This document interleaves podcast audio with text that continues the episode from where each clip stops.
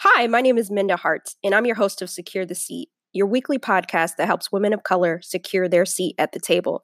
It's not about getting in there and being the only one, it's about using our influence to bring other women of color along with you. And if you happen to work with a lot of women of color, lucky you, uh, but think about who is missing and make sure that you are a success partner, or some might call it an ally, so that you can make sure that you are doing the right things by other groups that are underrepresented as well. And this week, I am recording live from Austin, Texas. I spent the last four days at South by Southwest, which is a big uh, interactive conference in Austin, Texas, that's held annually. And last year was my first year as a speaker. And then I was able to return this year. And it's been such a great time. I am very much exhausted. My age is definitely um, showing up in every form of my body uh, this week. and uh, I've had a really great time. I had the pleasure of sharing the stage with three great women. Um, a friend Karen and uh, and Avis, and we talked about the empathy gap, interracial sisterhood, and how we bridge that gap between white women and women of color. And we did an official South by Southwest event on that, and then we did some uh, unofficial things for the city of Austin. And um, I'm going to tell you, I, there was so much that came out of it over the last couple of days, and I'm still processing. But at the end of the day, I'm very much optimistic about many white women wanting to learn and get educated on that. And you know, previously last week, I was had the opportunity to sit on the panel with some really dynamic uh, Black women and talk about inclusion in the workplace and what that looks like for us. And I just have to remind all of us that yes, it's okay to educate if that's what you feel you want to do. And over the last uh, several days, I've heard this, you know, back and forth of women of color not feeling like they should be the one to educate, and then white women wanting to be educated, and whose burden is that? Who should be doing the heavy lifting? And so I would love to hear your thoughts on that. Um, as far as I'm concerned, I, I, can't speak for all women of color. I can't speak for all Black women, but I can speak for myself. And uh, I don't mind if folks come and ask from a very willing and vulnerable and intentional space of wanting to know what resources they can read or ways that they can improve their growth and in education in terms of what it's like for women of color to to be in this world and show up sometimes as the only one and in isolation, you know, I'm very much okay with that. What I'm not okay with is when I am educating you, then you're not listening and you're not taking those tools and learning from there. Going, you know, I can't be the professor and give you the homework. You have to be willing to do some work yourself. And, you know, a lot of white women will ask me often, you know, I'm nervous to go to my black or brown friends and ask them. And I said, well, or you know go up to a, a, black woman that i don't know and ask and i said it's just like any other relationship. You have to form a relationship first you know you can't always go to that black woman and just always ask her about black stuff. You know obviously that's a one-sided situation and that doesn't feel authentic. I said but when you get to know people and you're having real heartfelt intentional conversations then that's something that you do with any of your friends you know um, so just it's that human side uh, of things. You know, if you are uh, someone who is a computer programmer or you're designing websites, and the only time I ever come to you is when I'm asking you for resources on how to build my website or how to design my website, eventually you're going to be like, the only time she's coming to me is for this. Like, she's not getting to know me. It's only one sided. And so, just like any other thing, um, you want it to feel like there's some value, right? If you give me some tips, you want me to actually implement those tips, right? And then say, hey, guess what? Here's where I am with this, and um, and go from there. So for those uh, women that are listening that are not of color to secure the seat, I appreciate those who do listen and leave ratings or reviews. It's just like that. And so I hope that you are listening to podcasts like mine and others because this is how you learn. This is how you educate. If you're not sure what women of color are dealing with or going through in the workplace or what are the conversations that we are having, you connect with places that we are, right? You find these ways. I mean, Google is free eh, as of today, right? so you can Google things, you can get on the whatever you like to listen to your favorite podcast on and you could do that and so which leads me right into today's episode, which is called Owning Your Growth. We all have to do that, regardless of the topic. We all have to own our growth, and that is very important. And a couple of years back, I was attending Black Enterprise Women of Power Summit in Phoenix, Arizona. I think it was three years ago. And one of the women on the stage was Kristen Jones. And I was just so inspired by her answers and her vulnerability and um, how she spent her years working in the Obama administration alongside Mrs. Michelle Obama, our former First Lady, which in my heart will forever be the First Lady. and uh, it's such a privilege to even be alive during during that administration. And so I was like, oh my gosh, she, you know, instantly Kristen became a friend in my head. And I just loved how she showed up and gave some really great nuggets. And uh, when I started Secure the Seat, I reached out to her to say, hey, I would love for you to be a guest. Um, and then we finally, on season three, she's a busy woman and I'm appreciative of her time. And you're going to be so happy that you took the time to listen to Secure the Seat today because we're talking about owning our growth. Kristen is now the co founder of Inside Projects and she's done some phenomenal things with her co-founder there. You can go to insideprojects.co, not to be confused with com. So insideprojects.co, and I'll make sure that all of her information is in the show notes. And without further ado, let's own our growth. Kristen, welcome to Secure the Seat. How are you? I'm doing well. Thank you so much for having me. How are you? I'm good. I'm really excited to have this conversation with you because I think it's so important to own our growth. And I know that our listeners are going to enjoy the conversation. So before we get started, tell them a little bit more about you. Sure. So I am Kristen Jones. I am partner and co-owner and co-founder of Inside Projects, which is a strategic branding firm based out of Los Angeles and Washington, D.C. I co-own my company with my business partner, Ariel Vavasour, and we work work with clients that are at the intersection and looking to kind of meld the two wor- worlds of creative and social impact. Prior to owning my own company, I worked for seven and a half years beside former First Lady Michelle Obama. And so I started off as an intern, was brought on fairly quickly after that internship ended to be a research associate swiftly moved into a personal aid position with her and then ultimately ended the administration as her director of special projects, which was kind of a broad and complex role, but it essentially um, amounted to helping her build her strategy along with everybody else in the office around the work that she did as First Lady. So her initiative, Let's Move, Joining Forces, Reach Higher, and Let Girls Learn. So I was able to kind of, with my colleagues, drive creative and impact strategy for those four initiatives. Wow. And you're not even 40 yet. Look what you've done. I am not. I'm not. Thank you so much. You're so sweet.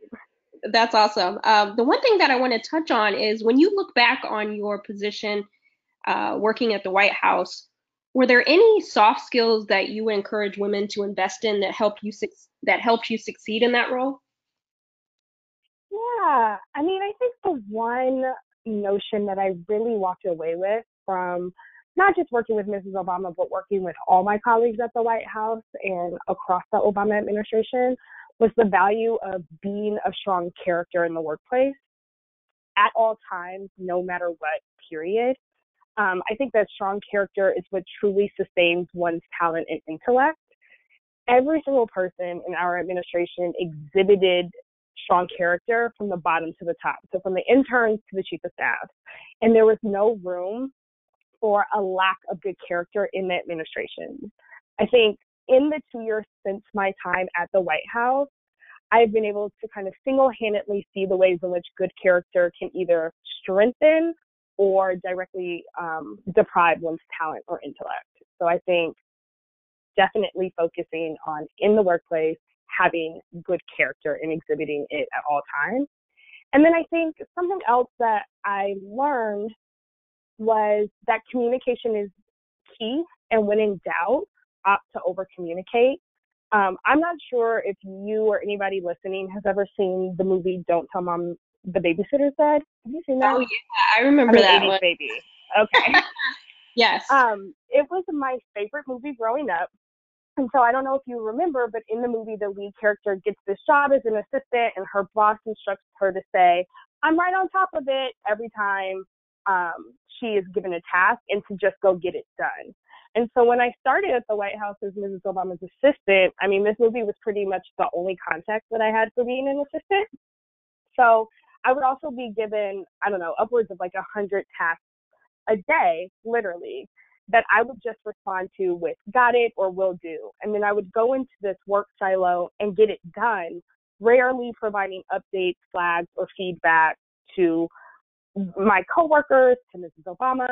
And in my mind, this made me like a more dependable and like responsible employee and teammate. But ultimately, working in this way didn't pan out too well for me because the White House, like most organizations, is really a team based workplace. So my lack of communication led me to take on more work than I needed to. Um, sometimes it blocked me from insight from my colleagues around quicker and more efficient ways to complete tasks. It led some of my colleagues to do work that I had already completed, so on and so forth. So I pretty quickly learned that communication is key, especially in terms of progress and completion updates. Um, and I think when I walked in the White House, I surely was an under communicator.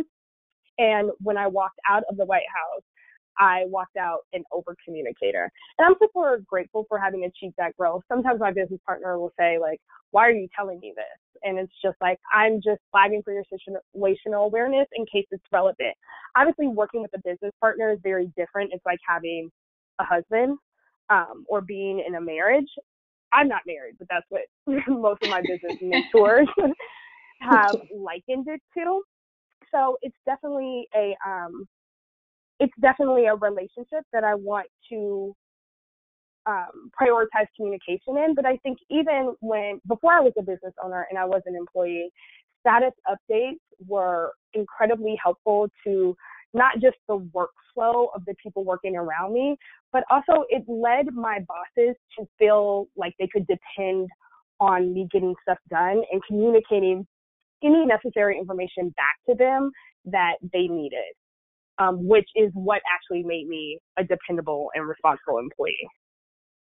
Ooh, I love those nuggets. I mean, a character right on par, and then also um, communication is really key to securing your seat. And then I love the the 80s reference to uh, "Don't Tell Mom to Be."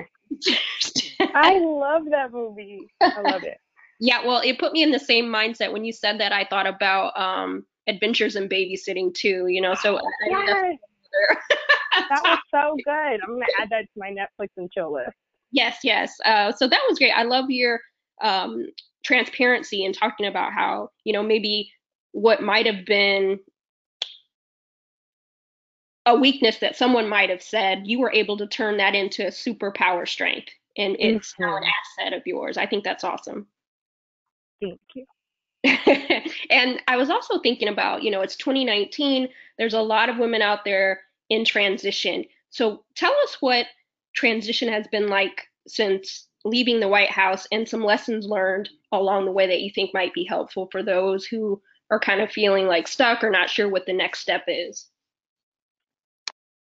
Mm, I think I would say my my career transition after the White House, which is like every other unknown career transition, was just absolutely terrifying. Honestly, when I walked out of the White House, in January of 2017, I did not have a job, which terrified not just me, but my parents and mostly everybody around me that cared about me. Um, we worked up until that last day, up until that last minute, trying to really um, build um, and help create the world as it should be. And so I didn't I tried to carve out time for a job, um, for job searching, excuse me, for job searching, but things were a little hectic. And honestly, I did not know what I wanted to do. And I was trying to sort through the fact that I had been working beside somebody for seven and a half years, and I was opting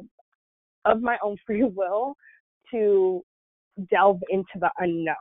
So it was incredibly terrifying. Um, I'm I probably could have stayed with Mrs. Obama in some capacity, but I knew that in order to grow, I needed to kind of put myself out there and try working for a different entity or organization. Um, but I'm not going to lie, that terror of separation from the Obama administration made me look for my next position from a place of fear and panic. Um, essentially, the fear and panic of needing and not having a paycheck. And I think as a result, I ended up interviewing for jobs that were not a good fit. Ultimately, I landed a position locally in DC, but I transitioned out of that organization pretty quickly. I lasted eight months in the position. It just wasn't the best fit for me. And I think if I had launched my job search from a place that wasn't a place of fear, I probably would have realized during my interview process that the position and company I ended up the position I ended up taking and the company I ended up working for actually wasn't the best place for me. So once I left that job, I found myself unemployed again for the second time in a 12 month period, which was even more terrifying. So I was really determined to do it all differently. And um, I wanted to take the time to think about the companies that I actually wanted to work for, the types of positions where my skill set would naturally be of value, um, the things that I actually wanted to be doing on the job, and identify places where I saw women flourishing in their workplace. Um, ultimately, two companies rose to the top of those lists. And while discussing potential full time employment opportunities with both of those organizations, I decided to launch my agency with my business partner instead of taking on a full time gig. And ultimately, I landed both of them as clients during our first year of business. So when I look back at my kind of the past two years post White House, um, it's filled with like a lot of risk taking, a lot of fearful nights, a lot of sleepless nights, but a lot of growth. And if I think about the thing that I was most scared about, it was leaving this kind of family I had built with my colleagues working in the Obama administration and leaving her side um, because it was what I knew best and it was where I was the most comfortable. But the ironic thing is that after two years of risk taking and learning and growing, Mrs. Obama is now one of um, our clients at my agency that we service. And so we're able to work again in even more incredibly creative, dynamic, and influential ways, which is really cool. I love how you describe that because I think many of us, through the ebbs and flows in our careers, we wind up not knowing what the next steps are. And sometimes that can fuel us into our next thing. And I'm really excited to see where all that goes for for you. And obviously the land two big clients, uh, that's awesome. And I know that there's a lot of women listening who are sitting in corporate America or they work for a nonprofit, but they want to put their toe in to the entrepreneurship realm or they have a side hustle, something like that. What are some lessons learned that you found about starting your own business that you wish someone would have told you? You know, just some things for them to consider before they start their own businesses. I would say that a financial foundation is incredibly important. Even before you have money coming in, trying to figure out, at least brainstorm around when you do have revenue coming in, how much are you going to keep in the company? How much are you going to pay yourself? Um, having that all kind of set up with an accountant, what's the difference between an accountant, a bookkeeper, a CFO, a financial advisor?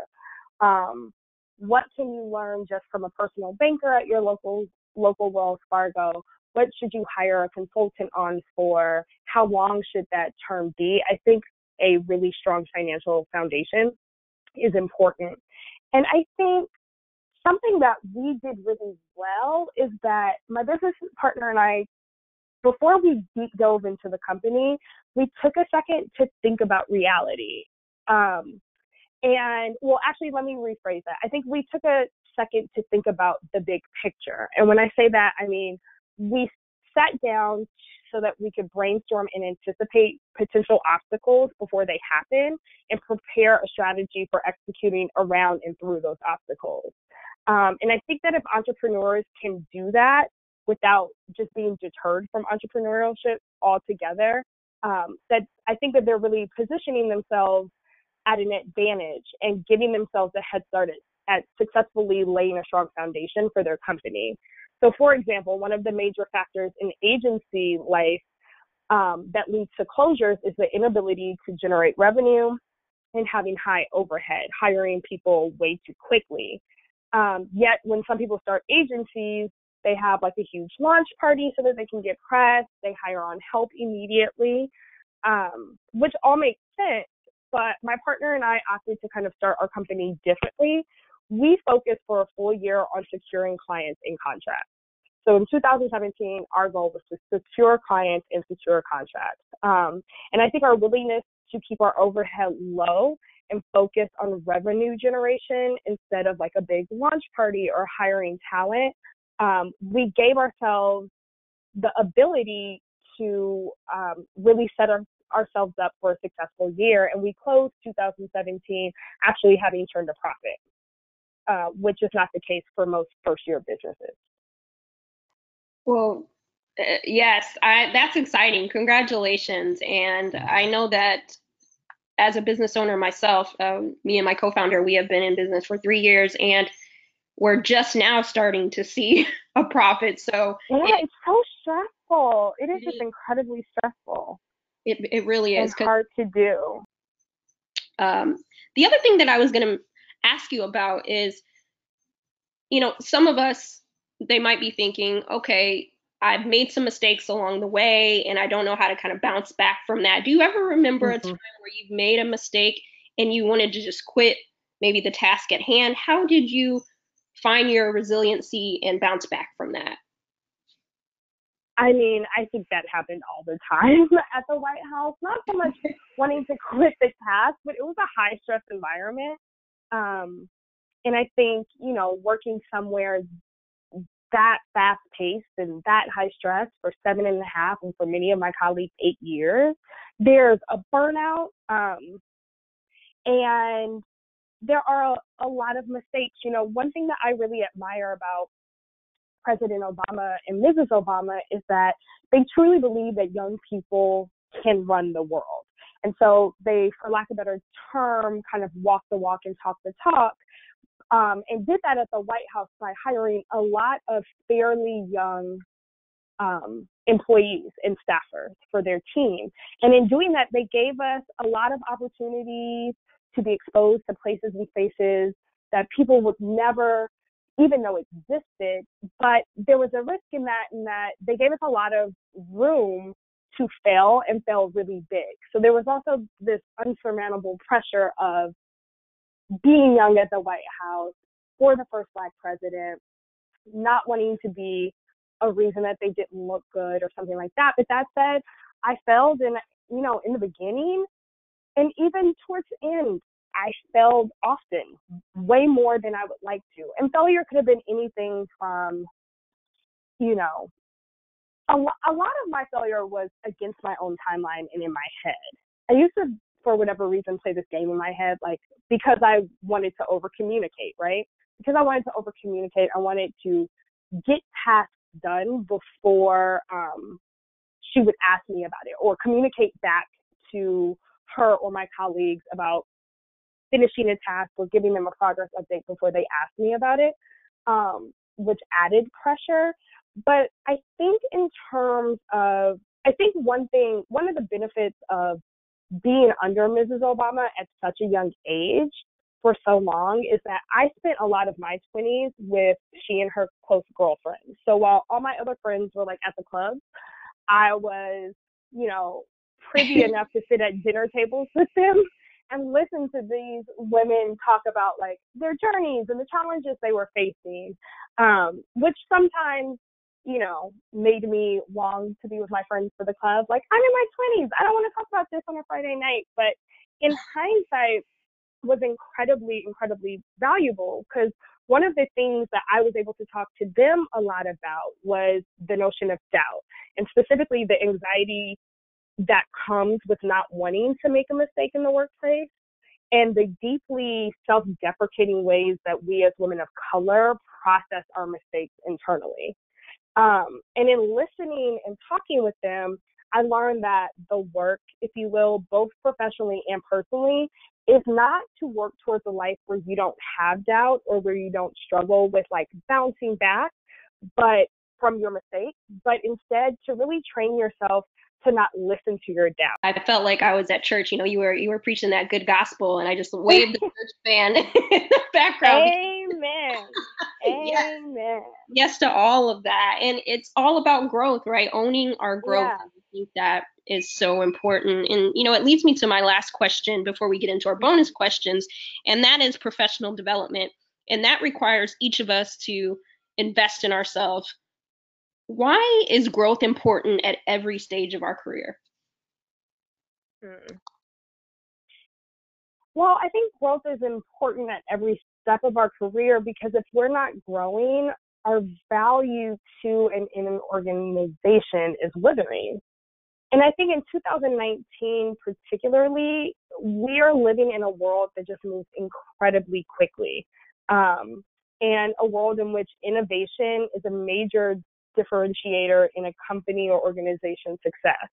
So every single day, there's new technology that is emerging, culture is shifting, the realm of possibilities in every single industry is expanding. And if you're not immersing yourself in professional development opportunities, both inside and outside of your workplace, your relevance in any position or organization will diminish. I love that. uh, growth is so important, and I wish everyone tons and tons of growth in 2019. Kristen, yes. it's been so nice having you on the podcast. Before we jump into our bonus questions, how can people connect with you or follow you or support you? What's the best way? Um, the best way is to check out our website for my agency. It's insideprojects.co, not com, but .co. And you can follow me on Instagram at, at be good, be fly. Nice. And I'll make sure that I put that in the show notes so that people can find you easily. And I am a lover of grits and rap lyrics, and I have to ask, what is your favorite rap lyric and why? Okay. To be fair, every Jay Z lyric is my favorite rap lyric, and anybody who knows me or has stood next to me at one of his concerts would likely agree. But I think my favorite lyric of his is from um, Public Service Announcement. It's the um, unlike Che Guevara with bling on, I'm complex. I never claim to have wings on. I get my by any means on whenever there's a drought. Get your umbrellas out, cause that's when I brainstorm. That's my favorite, even though I ran out of breath. That's why Jay Z is the rapper, and not me. but um, every time I hear this lyric, it just resonates with me. I don't know. I feel like he knows I exist in the world and he thought of me when he made um, that verse. I work hard with zero shortcuts, and my mind is constantly strategizing, brainstorming, thinking critically about the world around me. I've always been like that. And so every time I hear this verse, I just feel more understood in the world, honestly you know, I knew that we had a connection somewhere. I don't know if you've listened to past episodes, but I'm a huge, huge, huge Jay fan, you and are? I die by by his lyrics. So uh, whenever oh. somebody spits it, I like just want to scream. Uh, and that is one of my favorite favorite lines. Yeah. So sorry uh, if I didn't do it service, running out of breath, but um, I know I knew we were soul sisters. yes, I love that. And I have to also ask you, you know, the podcast is called Secure the Seat. Yeah. What does that mean to you? Um, to me, secure the seat means, well, particularly for women of color, it means to know that you belong in the room at the table, and with that at your foundation, acting accordingly. So, contributing eagerly to the work that's being done around you, speaking up, and expressing your talent and capabilities graciously at every turn and at every moment spoken like a Sioux, a true seat secure. I love it. um, thank you so much for for being my guest. Kristen dropped all the gems, and I know you're going to want to go back and re listen or send that episode to a friend because there's so much, so much. It was like a sermon in that episode. So if you enjoyed it, make sure that you go to whatever platform you're able to leave a rating or review and do that. I have so many of you that'll send me messages and say, I'm loving season three, I'm loving the podcast. And then I'll say, Have you left a, a rating or review. They said no. I'm like, please go leave a rating or review. That's how we amplify. That's how we help others secure their seat. So I implore you to go and leave um, a rating or review. I very much appreciate those and read those. And this is such a great episode, so you need to share it, share it, share it. Uh, and you know that J line at the end just made my heart scream. Uh, that is one that I rock with super hard. And then the other one that I totally live by is another J line, and it's I rather die enormous than live dormant. And that's how I try to live my life every single day when I'm not tired, like I am in Austin right now. and so the last thing that I want to leave you with too is a couple of little things. But as I've been here at South by Southwest, there's been some really phenomenal speakers, and I had the. It, it's so funny that I'm actually uh, recording this episode because um, two of my favorites I was able to hear speak this week, which is Valerie Jarrett. And one day I'm going to tell you a really fun story about Valerie Jarrett. I, we don't know each other, but it's a real fun, fun story that I think you would enjoy. Maybe when I do one of my heart to hearts, which will air next week, I might mention that to you. Um, but I, the also the other person is um, Stacey Abrams, and she was being interviewed, and she left this quote that I think you will really enjoy, and for all my quote heads, you really much uh, uh will appreciate this. When you're focused on your enemies, you are ignoring your allies. When you're focused on your enemies, you're ignoring your allies. And sometimes we're like in this world, we're working, we're doing our thing. And sometimes we're so focused on the haters, right? We're so focused on them. Even sometimes in my work, I get so upset internally with certain people who've wronged me or I feel like they've wronged me. And sometimes I, I, I start going down the rabbit hole on those situations. But what I really need to worry about is not who is not supporting me, but who is and focus on that. That's where we have to redirect our energy and that's part of owning our growth right? And so i just want to implore you to have a great week. Don't focus on the enemies focus on those who are supporting you. I'm here rooting for your success and uh, as you may or may not know i run a career development company called the memo with my co-founder lauren and if you go to myweeklymemo.com i would love for you to join our next event, which is online. Uh, we have a speaker series called After Six, and we do some of those in person and some online. And on March 21st, we're actually having it's a free online event, um, but we choose topics that can help you move forward. And we're talking about toxic work environments. And as women of color, and even if you're not a woman of color, I'm sure many of you have worked in toxic environments. God knows I have. And uh, for those who may or may not know, I have a book coming out this year called The Memo What Women of Color Need to Know to Secure Your Seat at the Table, which is available on pre order right now. So make sure that you go support your girl, uh, tell your friends, make sure you buy that. Pre orders are very important. And I talk about a very toxic work environment that I was once in. And it was one of the hardest parts of my career to date. And oftentimes I'll just be like, walking down the street or on my way to the subway or in the back of the Lyft and I'll just say thank you Jesus because when I was going through that situation I had no idea if I'd be able to make it out. You know, where do our broken hearts go after we've been in a situation like that and that is the reason why I wrote the book. This is the reason why I created the memo and it's the reason why I have secure the seat because I never want you to feel like you have to go through those hard situations alone. And so uh, make sure that you go uh, and support that book. Really much appreciated. And again, just have a great week and keep securing your seat. I'll see you next Wednesday.